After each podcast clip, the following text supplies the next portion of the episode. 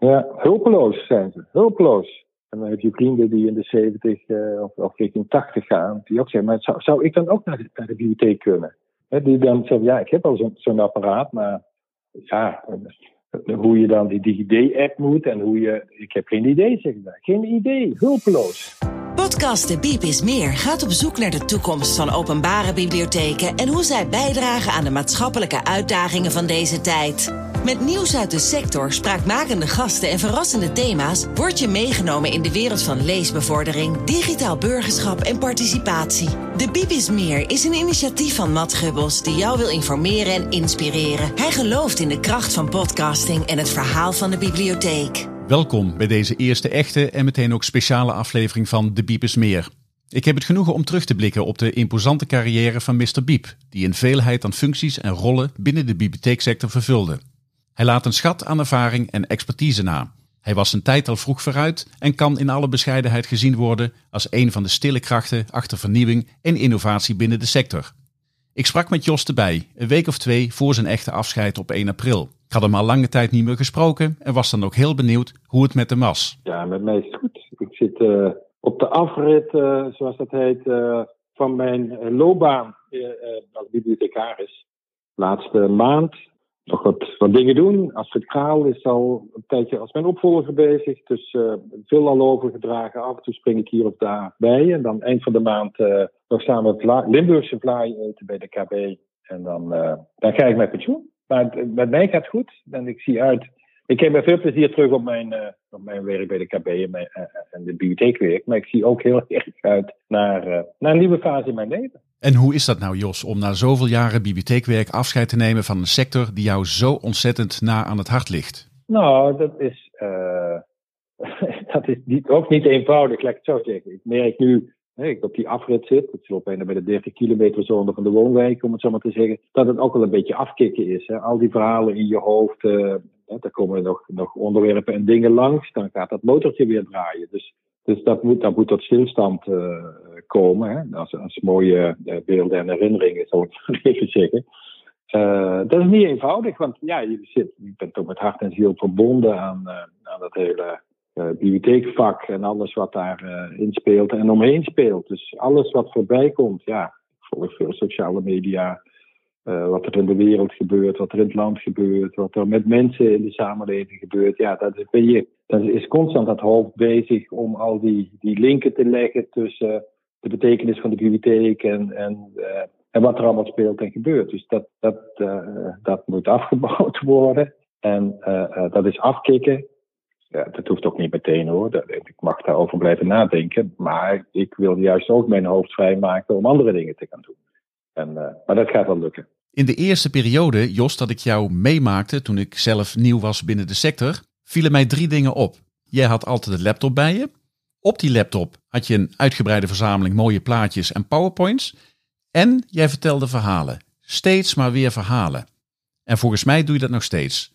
Waarom zijn die verhalen zo ontzettend belangrijk voor jou? Die, die verhalen zijn belangrijk om, om met elkaar te delen uh, waar je vandaan komt, uh, waar je nu staat, waar je naartoe kunt, wat er in onze omgeving speelt, om op zoek te gaan naar het gezamenlijk verhaal. Hè, dus ik vertel een verhaal, maar probeer ook te onderzoeken wat ons gezamenlijk verhaal is. En, en dat is nodig om ieder vanuit zijn eigen rol en verantwoordelijkheid uh, met, met soortgelijke dingen, of soms dezelfde dingen bezig te kunnen zijn. En daar hetzelfde beeld bij te hebben, elkaar te begrijpen, uh, te begrijpen uh, wat de wereld om ons heen doet, te begrijpen waar we betekenis kunnen hebben. Maar die gezamenlijkheid, die, is, die staat voor mij centraal in begrijpen waar het over gaat, uh, maar ook gezamenlijk begrijpen waar het over gaat. Om, want, want je moet samen op pad. Niemand, ja, een bibliotheek is niet iets van iemand alleen. Een bibliotheek is iets van ons samen, in een samenleving van ons samen, uh, op die manier. Jos, als we het dan toch hebben over verhalen en waar we vandaan komen, laten we dan ook eens het verhaal van jou en de bibliotheekwereld met elkaar proberen op te tekenen. En ik kan mij niet aan de indruk onttrekken dat het voor jou allemaal begonnen is ergens in het zuiden van het land. Ja, ja, ja, ja, ja bovenop de Raarberg geboren, raar nummer 8, Meersen, sticht naar de lagere school, uh, naar het Hendrik van Veldeke College. En toen de Bibliotheekacademie in Sittard, ja, daar kom ik vandaan. Hoe ben je gekomen tot die keuze voor de Bibliotheekacademie? Ja, dat is een, een soort toeval. Uh, ik zat na te denken over lerarenopleiding, aardrijkskunde, economie.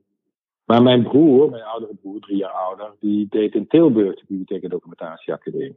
Dus toen ben ik ook naar, en, naar zo'n informatieavond in Maastricht geweest. Uh, op school, was op oud groenhoven schoolgemeenschap.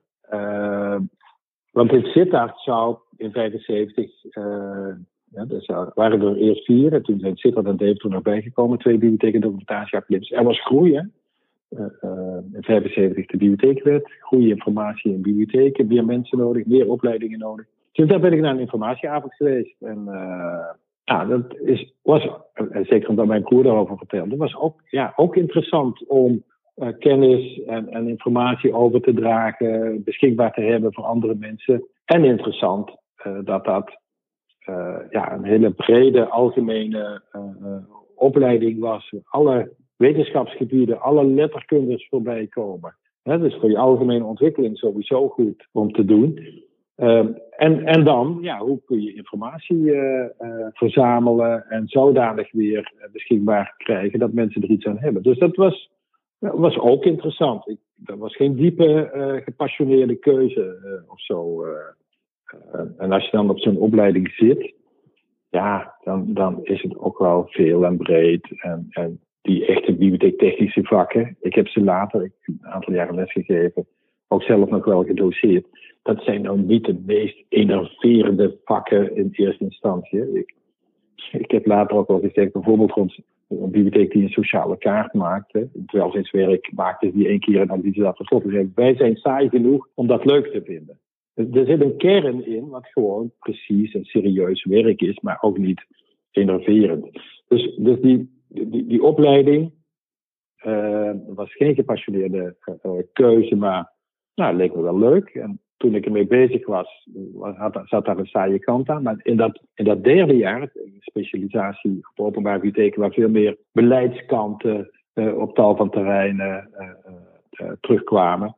Ja, toen werd ik wel gegrepen, omdat daar de verbinding tussen veel meer tussen samenleving en beleid en, en, en, invulling en met mensen op pad, hè, personeelsbeleid. En ja, toen wilde ik alleen maar hoge cijfers halen, zal ik maar zeggen. Toen, nou ja, uh, toen, toen, was het vuur wel ontbrand, uh, zou je kunnen zeggen. Maar het was niet alleen dat derde jaar waarin je de basis legde voor een beleidsmatige toekomst. Het waren ook bijzondere tijden voor jou als student. Als student ging je naar de ledenvergadering van de VUB. Want de VUB had persoonlijke leden en instellingsleden. Dus je, je voelde je verbonden, je kwam in een gemeenschap uh, terecht.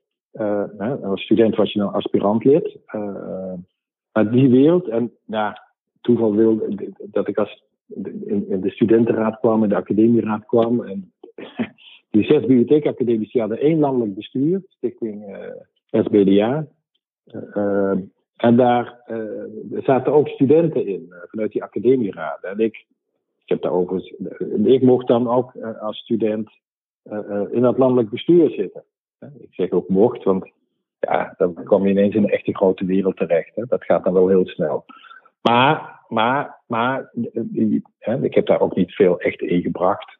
Maar je, maar je kunt wel heel veel zien wat er gebeurt en waar het over gaat en wat er speelt en hoe dat loopt. Uh, uh, dus die, die combinatie van, van die verdieping in de inhoud, zien hoe het ruilt en zeilt op zo'n school of zo'n academie, in de, de grotere wereld ja, ik ging als jongetje vanuit het dorp naar Maastricht naar school. Maar dit was ook zo'n stap. Hè, dat je als jonge man, uh, die, die, stap voor stap, die, die, grotere wereld leert kennen. En, en ja, dat was wel heel aanlokkelijk uh, op de inhoud van het vak. Maar ook in, in ja, jezelf een positie geven in die wereld waarvan alles gaande is. Hè, dan die zes bibliotheken academisch was, of die rol van de bibliotheek in de samenleving. In 1975 was de nieuwe bibliotheekwet met contributievrijdom uh, tot 18 jaar. Uh, was ook de tijd dat steeds meer mensen uh, gingen, een opleiding gingen doen, gingen studeren, voortgezet onderwijs, naar die bibliotheek kwamen. Dus ja, dat was mouwen opstropen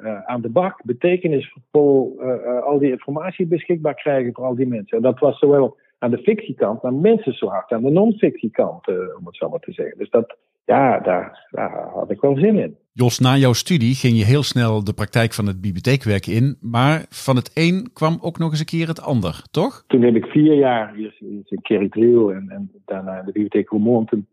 Toen, ja, een beetje bij toeval, omdat ze nog docent zochten en ik aanklopte en ik na, na 4,5 jaar praktijkervaring les ben gaan geven. En dan, dan krijg je nog eens een, een soort verdiepingsstap, want ja, als je les geeft, moet je, moet je wel uh, meer dieper in de stof zitten. niet, niet, een dag voorlopen op studenten. en, en, nou ja, en, dan, dat is eigenlijk een soort extra leerperiode geweest om in die verdieping te gaan. Geschiedenis, doelstructuur van bibliotheekwerk, een aantal bibliotheekvakken uh, uh, gegeven. Dan, dan ja, dan is het leuk om ja, eindgesprekken te voeren. Om te zien of mensen stevig staan met een visie, of ze die kunnen verdedigen, wat die visie dan ook is. Of ze daar voldoende die achtergrondartikelen bij gelezen hebben. Dan, dan bouw je, om het zo maar te zeggen, bagage op om ja, aan de ene kant gewoon achter het inlichtingbureau te staan. En te zorgen dat vragen van mensen die juiste informatie bij gevonden wordt. Maar ook nadenken over de bredere rol en betekenis. Ook nadenken over samenwerking met onderwijs, ook, nou ja, et cetera, et cetera. Als je de wereld van toen vergelijkt met die van nu, dan is er natuurlijk heel veel veranderd. Jij hebt midden in die veranderingen gestaan, Jos. Je was erbij. Maar wat zou je nou aan de jonge generatie van bibliothecarissen mee willen geven over die veranderingen? Welk van die veranderingen waren van beslissende invloed op het bibliotheekwerk? Nou ja, dan pak ik mijn, bij wijze van spreken in mijn hoofd mijn, mijn PowerPoint en laat zien hoe na de Tweede Wereldoorlog, de jaren van wederopbouw, op een bepaald moment uh, de, mammoetwet is gekomen. Dat de samenleving behoefte heeft aan, aan, mensen die zich gaan ontwikkelen en leren. In, in, veel grotere aantallen. Dus met die bibliotheekwet in 75. En veel meer vestigingen en collecties en uitleningen, uh, et cetera. Die spreiding van kennis en cultuur naar grote groepen in de samenleving. En dat deden we met heel zwart-wit gezegd, met boekenkranten, tijdschriften, gedrukte media. Er stonden de kasten van vol. Uh, de tijdschriftenrekken, de krantenrekken, de leeszaal, de, de uitleenfunctie. Maar op een moment kwam die beeldcultuur op. Hè, dat we in 1975 nog iets van 6,4 uur per week boekenkranten, tijdschriften lazen. Dan zakte dat in, in 1995 al terug tot onder de 5 uur.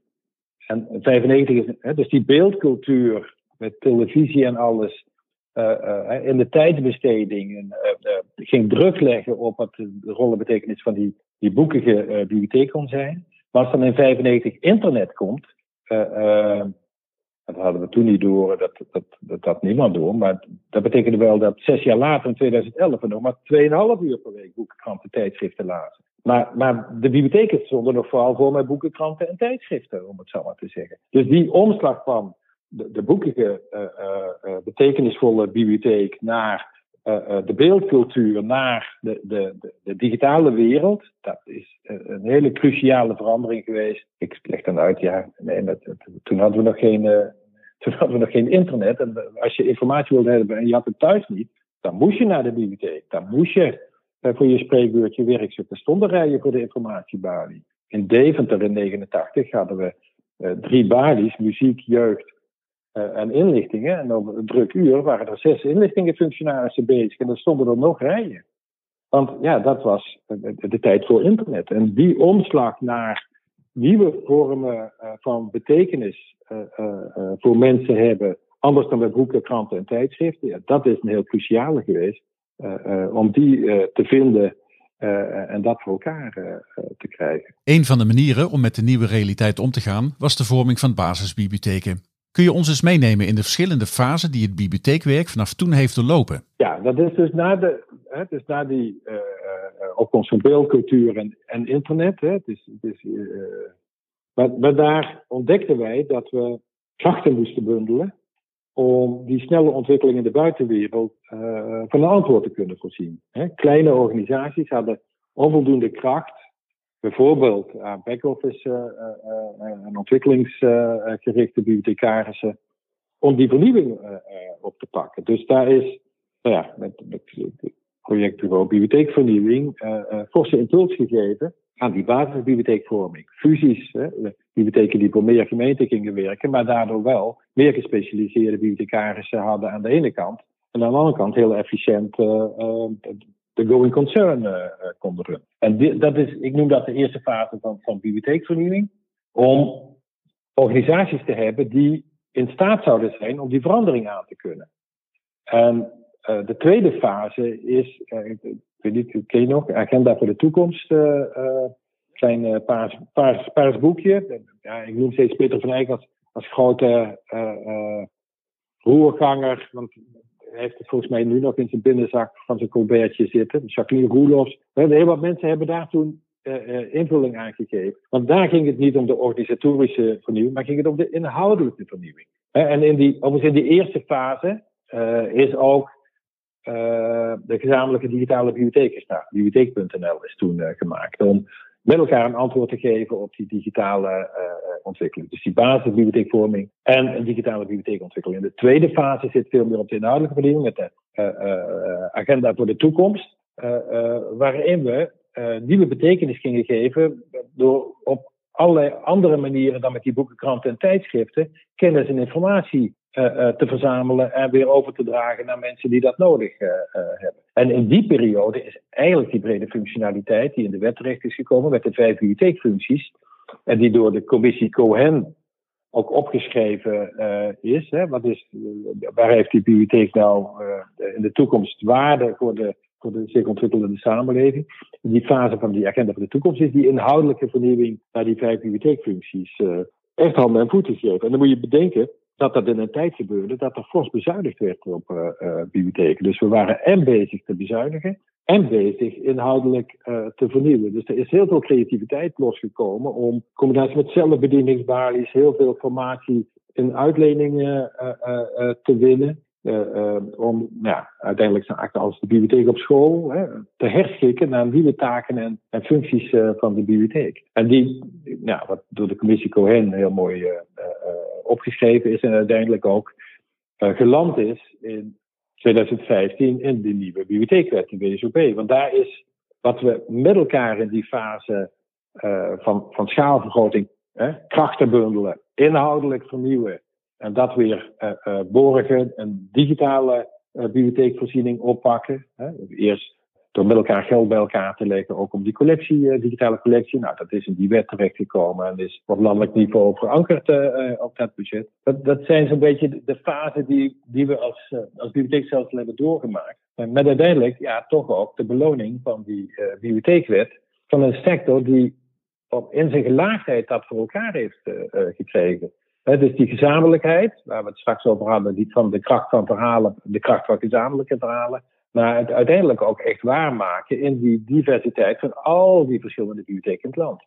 En, ja, de, gezamenlijkheid zit, volgens mij ben je er ook wel bij betrokken, dan ook wel weer dat we, uh, iedereen is uniek, maar we hebben via certificering toch ook een, een kwaliteitskader waarin we de, de, gezamenlijkheid met elkaar verankeren. Dus dat doen we niet op de Bonnefoy, maar dat doen we samen met VIG en VOB, ook in al die kwaliteitskaders die er inmiddels staan, om uh, dat echt van waarde te laten zijn. En dat leidde uiteindelijk weer tot een positieve evaluatie van de WSOB. Nou, eigenlijk best interessant, een positieve wetsevaluatie. De beleidsambtenaar van VNG zei de eerste uit mijn loopbaan. Dus, dus hè, er, er, staan goede, eh, de bibliotheken staan er goed voor, de digitale bibliotheek staat er goed voor, maar er is nog veel werk aan de winkel. En één is om te zorgen dat alle burgers in Nederland een goed bereikbare, redelijk volwaardige bibliotheekvoorziening hebben. Uh, en twee is dat, dat die voldoende toegerust zijn om ook bij te kunnen dragen aan grote maatschappelijke opgaven.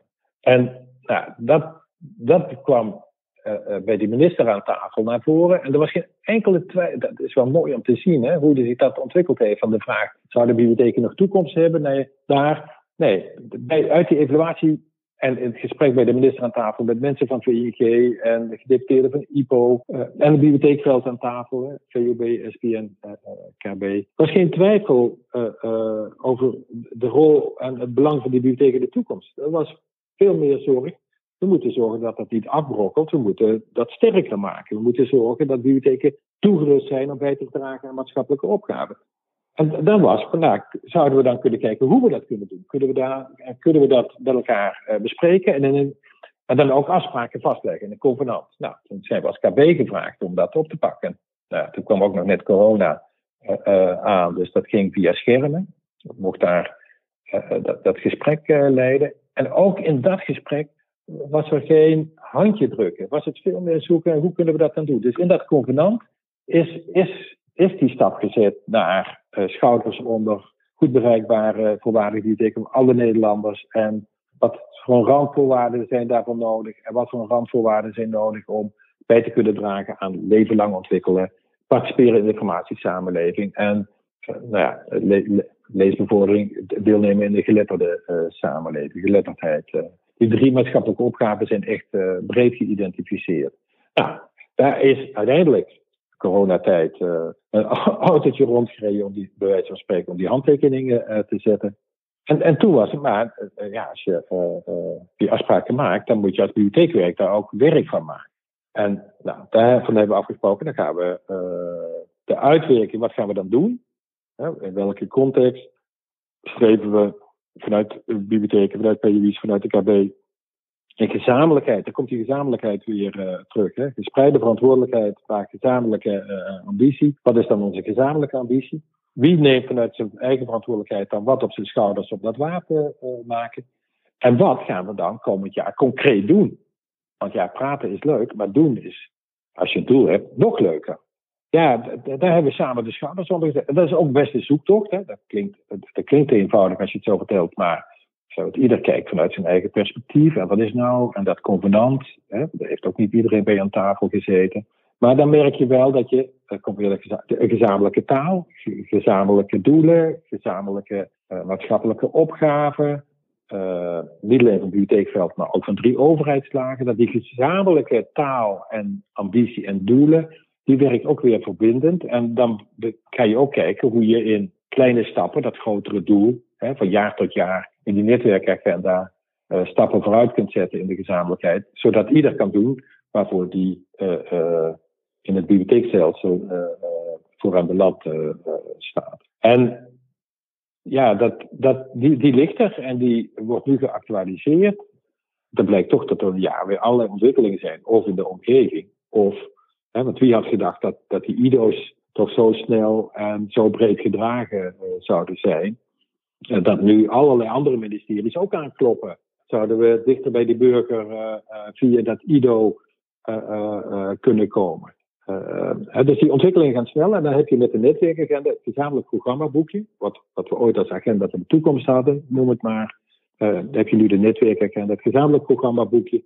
Waardoor we van elkaar weten waar we voor gaan, wat ieder doet, uh, wat er op HRM-gebied moet gebeuren. Uh, je ziet op het gebied van certificering, hey, de, ILO's worden nu ook, is ook een kwaliteitskader. jeugd en educatie, de taalhuizen van een eerste kwaliteitskader en pilots naar nou, ook certificering van de taalhuisfunctie. Zou mij niks verbazen als die nieuwe functies dadelijk in een actualisering van de wet ook een plek uh, gaan krijgen. Dus waardoor die samenhang der dingen, het gezamenlijk programmaboekje, de, de, onderdelen weten dat op HRM-gebied een aantal zaken worden voorbereid. Bijvoorbeeld op het gebied van opleiding, dat de kwaliteitskaders uh, zich ontwikkelen, dat de digitale infrastructuur wordt doorgebouwd om randvoorwaarden te creëren, om een goed cursusplatform te hebben, om daar een hybride, fysiek en online, de bibliotheek op school te gaan, op, nou, et cetera, et cetera. Je refereerde al even aan corona en de opkomst van de IDO's. Is het gek als ik stel dat de coronaperiode voor de bibliotheeksector ook van heel groot belang is geweest? Dat vind ik wat zwaar, uh, uh, want we hebben er verrekt te veel last van gehad. net, als, net als iedereen en alle organisaties en dergelijke. Maar wat, wat wel interessant is, is dat het belang van kwetsbare doelgroepen uh, nadrukkelijker naar voren is gekomen. En uh, de zichtbaarheid dat bibliotheken op lokaal niveau ja, van, van waarde zijn hè, voor scholieren die thuis niet in staat zijn om te leren. Voor mensen rond taalhuizen, rond digitale huizen, om hun digitale vaardigheden op te krikken. Want die, ja, daar werd een groter beroep op gedaan in de coronatijd. Uh, en dat, dat gecombineerd met ja, de, de opbouw van, van de IDO's om meer zichtbaar mensen te helpen met hun digitale vaardigheden. En als ze dat zelf niet kunnen, te verbinden met hulp en ondersteuning. dat, dat is wel een, een interessante combinatie die maakt dat we ja, in eerste instantie niet, maar uiteindelijk als essentiële voorziening zijn gekenmerkt in die coronatijd. En dat laat zien dat de, de, de rol en functie van de bibliotheek ook in de landelijke politiek meer en meer zichtbaar is geworden. Dat is wel de mix die maakt dat, dat de coronatijd in die zin een extra zetje heeft gegeven aan de ontwikkeling waar we al uh, mee bezig waren. Jos, hoe kijk jij aan tegen de grote aantallen mensen die onvoldoende in staat zijn om te dealen met de complexe overheid zoals die de afgelopen jaren zichzelf gevormd heeft? Ja, hulpeloos zijn ze, hulpeloos. Ik heb ook vrienden, hè, die. Ik word ook wel wat ouder. En dan heb je vrienden die in de 70 uh, of, of richting 80 gaan, die ook zeggen: maar zou, zou ik dan ook naar de, naar de bibliotheek kunnen? die dan zeggen, ja, ik heb al zo'n apparaat, maar ja, hoe je dan die DigiD-app moet en hoe je, ik heb geen idee, zeg ik Geen idee, hulpeloos. Echt hulpeloos. Hè? Dan uh, zijn ze blij dat ze hulp krijgen en iets uitgeprint krijgen. Uh, dat, dat is best een grote groep. En de, de een meer, dan de ander. Ik heb in de bibliotheek Deventer gewerkt. Daar zat het Turks consulaat in de stad. Ja, er kwamen regelmatig mensen bij ons binnen. Zeiden, ja, ik moet iets uit mijn UWV uh, uh, werkmap geprint hebben. Ik zou niet weten hoe het moet. En ik moet over een uur bij het consulaat. mensen ook die uit het land kwamen. Ja, wat doe je dan? Want ja, je mag niet inloggen voor mensen. Je mag niet. Wij zeiden van ja, we laten jou niet in de steek. En dat, dan deed je dat niet om, om vast te leggen, maar om iemand echt te helpen. Die vastliep in, in alles en dan ging hij mooi met zijn printjes eh, naar het consulaat. En dan kwamen smiddags een doos met Turks gebak de bibliotheek binnen. Dan heb je echt. Dan, en dan, dan is privacy op dat moment niet aan de orde, omdat je iemand moet helpen. En dat zijn uitzonderingen. Maar het laat wel zien hoe cruciaal je op een moment van betekenis kunt zijn voor mensen. Op een, hè, dus op een plek waarvan je weet, hè, en dat is mooi binnen het IDO, is ook het hele verhaal van privacy en alles goed gereglementeerd uh, uitgewerkt uh, op dit moment. En dat is fijn, want dat hadden we in Deventer niet zo voor elkaar. Hè? Maar ik, dat, dat laat wel zien dat je die, die plekken in de samenleving nodig hebt, waar mensen, als het echt niet meer weten, toch terecht kunnen en ja, met, met betrouwbaarheid omgeven geholpen kunnen worden. En dat doen bibliotheekmensen, maar in combinatie met bibliotheekmensen in toenemende mate grote vrijwilligersnetwerken die andere mensen in de samenleving kunnen helpen. En de bibliotheek zorgt dan dat dat uh, waardevol en betrouwbaar is in zijn randvoorwaarden. Dus dat is een soort beveiligingssleutel op al die vrijwilligersnetwerken die in de samenleving bezig zijn. Zoals van oudsher ook welzijnswerk uh, uh, dat altijd op die manier uh, gedaan heeft. Hè. Zou je kunnen zeggen dat de BIEB bezig is zich te ontpoppen als een unieke speler in onze samenleving? Ja, een, een van de spelers. Hè, want het zijn geen Haarlemmer, olie. en er zijn veel partijen die daar een rol en, en een bijdrage aan leveren. Maar, maar ook de bibliotheek. Ja, en, en het unieke van de bibliotheek is nou ja, al die inhoudelijke veranderingen uh, zoals we ze uh, geschetst hebben. Maar is die spreiding over het land? Er is geen andere voorziening die vanuit ja, toch bepaalde uitgangspunten en inhoudelijke ontwikkelingen zo georganiseerd is dat hij over het hele land een soort gelijke dienstverlening uh, voor elkaar heeft. Dus waar elke burger, en dat is ook het belang van de bibliotheekconvenant, elke burger moet toegang hebben tot een volwaardige bibliotheekvoorziening. En daarmee garandeer je in de samenleving, uh, dus die ja, die, die is, is relatief uniek. Het, is niet, het welzijnswerk is zo verbrokkeld dat je niet landelijke afspraken kunt maken en dat je weet dat elke burger dan ergens bij terechtkomt. Nee, in het Nederlands bibliotheekwerk is het per dit jaar zo dat elke bibliotheek een IDO heeft. Dus je kunt uh, tv-reclame maken, je kunt uh, uh, huis-en-huisbladen landelijk verspreiden. Als je niet weet, ga naar de bibliotheek. Want je weet dat er een in de buurt is. Dus dat netwerk wat in gezamenlijkheid, komt er gezamenlijke weer, in gezamenlijkheid georganiseerd is. Dat belang is hartstikke groot. Wat een digitale infrastructuur heeft, waardoor wat kwaliteitskaders op gezamenlijk niveau heeft. Hè. Dus dat stelsel, en, uh, dat ook nog eens wettelijk geborgd is, en daar hoop dat die wet nog, nog wat uh, verder uitgebouwd en aangepast wordt, in functionaliteit, in de, de, zorgplicht van gemeenten en dergelijke. Dat, dat, is, dat is, ja, Dat is een unieke combinatie. Eerder in dit gesprek had je het over het belang van de informatieve functie van de BIEB en de rol van de digitale bibliotheek daarbij. Hoe staan we er tegenwoordig voor in de digitale wereld? Uh, in die wereld, met alle respect, uh, een prachtige e-book collectie, maar hebben we nog niet zo'n betekenis als we op die andere terreinen met elkaar voor elkaar gebokst hebben. Dat zijn we ook nog aan het opbouwen. En ook in die wereld is samenwerken als het gaat om infrastructuur, samen, samenwerken als het gaat om bronnen, content, uh, van cruciaal belang.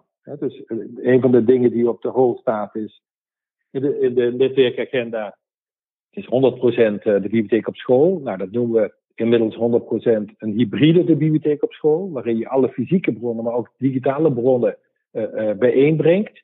En dat zijn, denk ik weer aan die omgevallen boekenkast, dat zijn bronnen niet alleen die wij in huis hebben, maar het zijn ook bronnen die op internet staan. Dat zijn ook bronnen die in het onderwijs uh, uh, beschikbaar zijn. Dat zijn dus dan gaat het ook om samenwerken aan digitale, bijeenbrengen van digitale bronnen die relevant zijn voor specifieke doelgroepen. Of het nou in basisonderwijs is of in het VMBO, dat, dat maakt niet uit.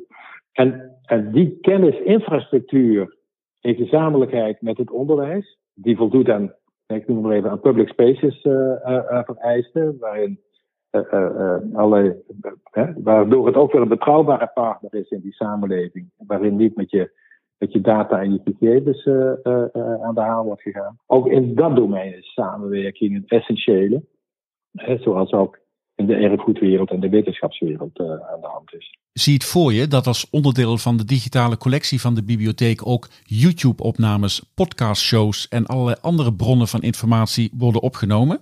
Ja, maar dus dat is een van die, uh, dat is een van die bronnen die uh, ook via, inter, via de digitale snelweg bereikbaar zijn. nieuwe, nieuwe vormen, verdieping, achtergronden. ja, en wie zorgt nou dat, dat langs al die kanalen, bij wijze van spreken, je relatief snel uh, de, de, belangrijkste op rijen staan. En, en nou ja, daar hadden we in die oude boekenkranten tijdschriftenwereld, hadden we dat voor elkaar. Maar dat zullen we ook in de digitale wereld, in een publieke omgeving, weer meer voor elkaar moeten zien te krijgen dan we op dit moment hebben. Dat hebben we aan aan de markt overgelaten, aan de Googles, et cetera. Maar daar zullen we onze rol weer, uh, weer, weer, terug moeten uh, pakken. Uh, want je zult maar een kind van tien jaar zijn. En in een onderwerp geïnteresseerd zijn. En dan zelf op zoek moeten naar de relevante, nou ja, of nou podcasts zijn of internetbronnen of tv-items of andere YouTube-filmpjes of wat dan ook. Uh, vroeger hadden we daar een bibliotheek voor. Die selecteerde, zette op een rij, die maakte dat toegankelijk op het niveau van taal, op het niveau van het duiden welke bron, welke betekenis uh, voor je kan hebben. Er ligt dus nog een wereld uh, te winnen. Jos, mag ik jou uitdagen tot het doen van een aantal voorspellingen? Waar gaat het volgens jou naartoe met het bibliotheekwerk in de komende tien jaar? Wat, wat ik probeer met mijn verhalen is, waar komen we vandaan? Waar staan we nu? Wat speelt er en wat zijn lijnen naar de toekomst waarop je bewegelijk uh, uh, je kunt uh, begeven. En dan is die kern van die volwaardige bibliotheekvoorziening goed bereikbaar. Ik verwacht dat dat over tien jaar dat, dat elk kind met de fiets naar de bibliotheek nog steeds kan. Hè? Los van, van sterke uitzonderingen. In Zeeland kiezen ze andere oplossingen voor hun spreiding dan, dan weer in Amsterdam, om het zo maar te zeggen. Maar in zijn algemeen het principe, elk kind moet naar de bibliotheek, zelfstandig naar de bibliotheek uh, kunnen fietsen. Daar heb ik wel vertrouwen in dat dat over tien jaar het geval is, los van een enkele uh, uitzondering. dat we die multi, breed multimediale collectie met elkaar organiseren combinatie met de fysieke wereld en de, en de online uh, uh, wereld. Daar hebben we dan flinke stappen in, gezet. En als je gaat de maatschappelijke opgave, denk ik, ja, dan is er 100% DBOS. over tien jaar, dan hebben alle peuterspeelzalen, kinderdagverblijven, collecties. En als ik het over collecties heb, dan gaat het over die brede bronnen, fysiek en, en, en digitaal. Want dan kun je klik naar de berenslimme uh, filmpjes doen, dan kun je klik naar dat klokhuisfragment, dan kun je klik nou ja, naar een podcast of een boekfragment of, of een heel boek of wat dan ook. maar dan zijn de maatschappelijke opgavenhoek, die, die bibliotheekvestigingen die goed gespreid zijn, dat zijn allemaal taalhuizen. Dat zijn allemaal centra voor leven lang ontwikkelen. Hè, waar ook de, de, de, leerwerkcentra richting arbeidsmarktparticipatie zich aan verbonden hebben.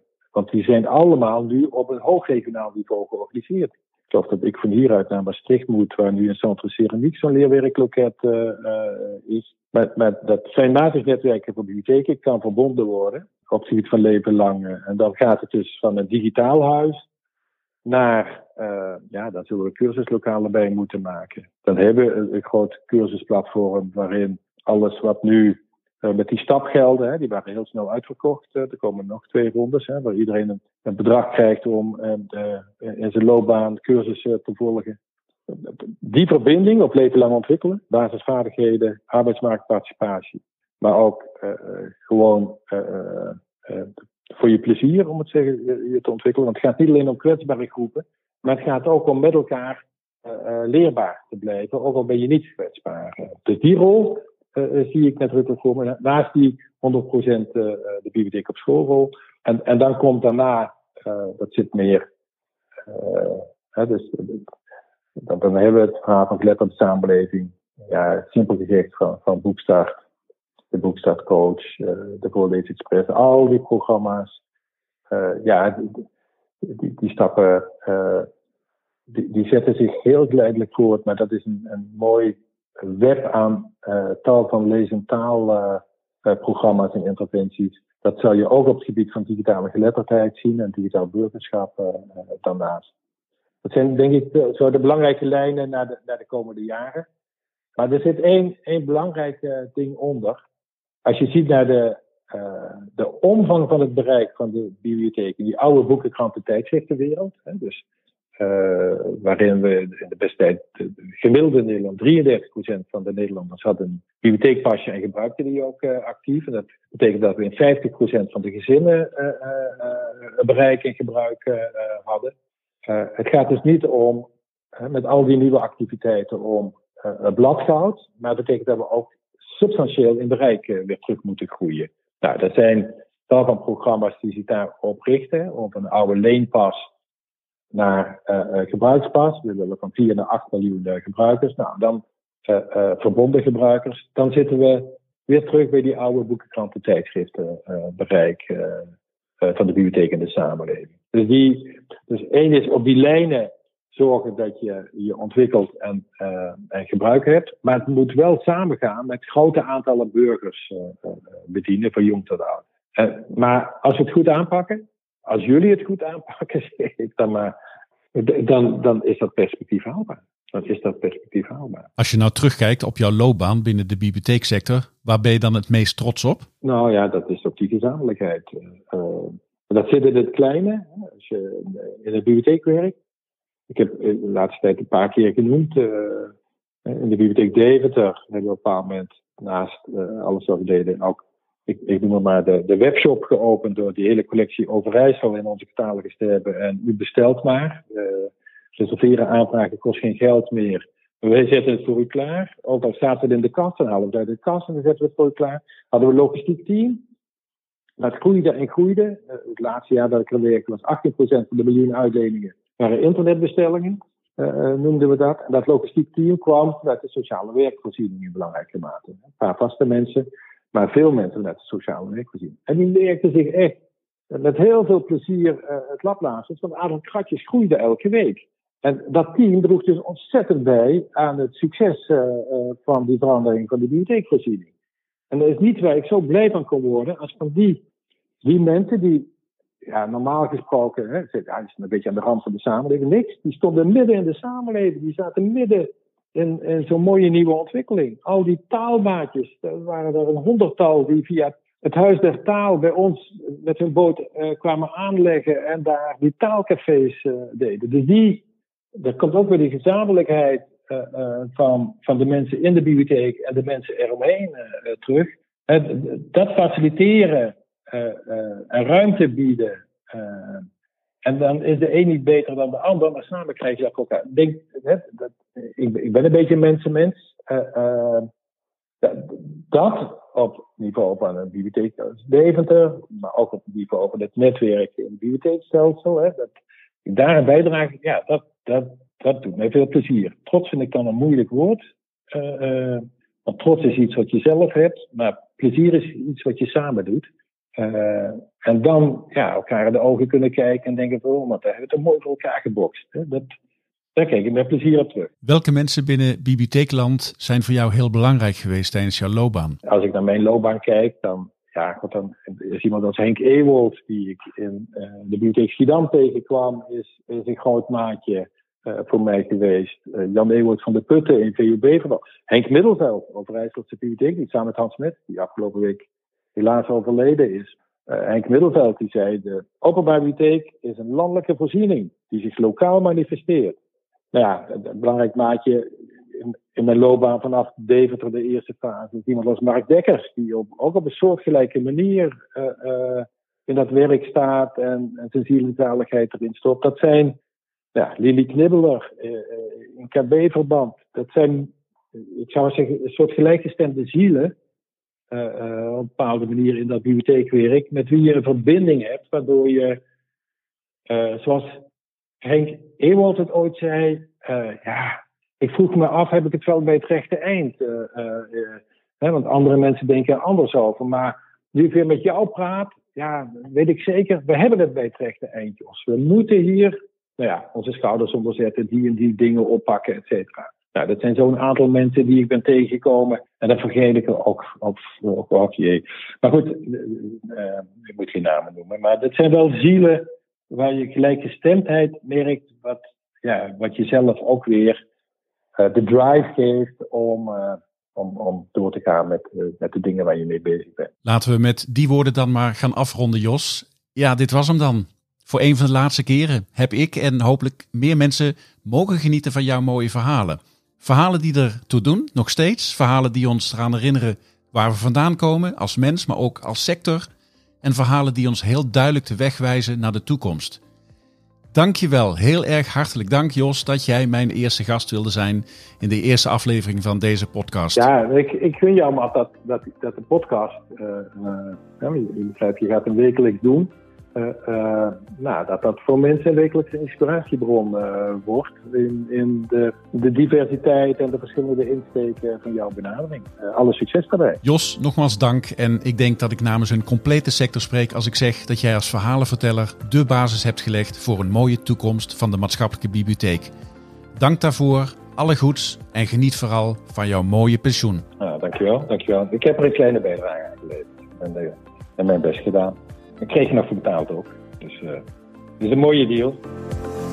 Bedankt voor het luisteren naar deze aflevering van De Biep is Meer. Heb je zelf een mooi verhaal om te vertellen? Neem dan contact op via info.onderzoekmeteffect.nl De Biep is Meer is een initiatief van Matt Gubbels. Hij gelooft in de kracht van podcasting en het verhaal van de bibliotheek.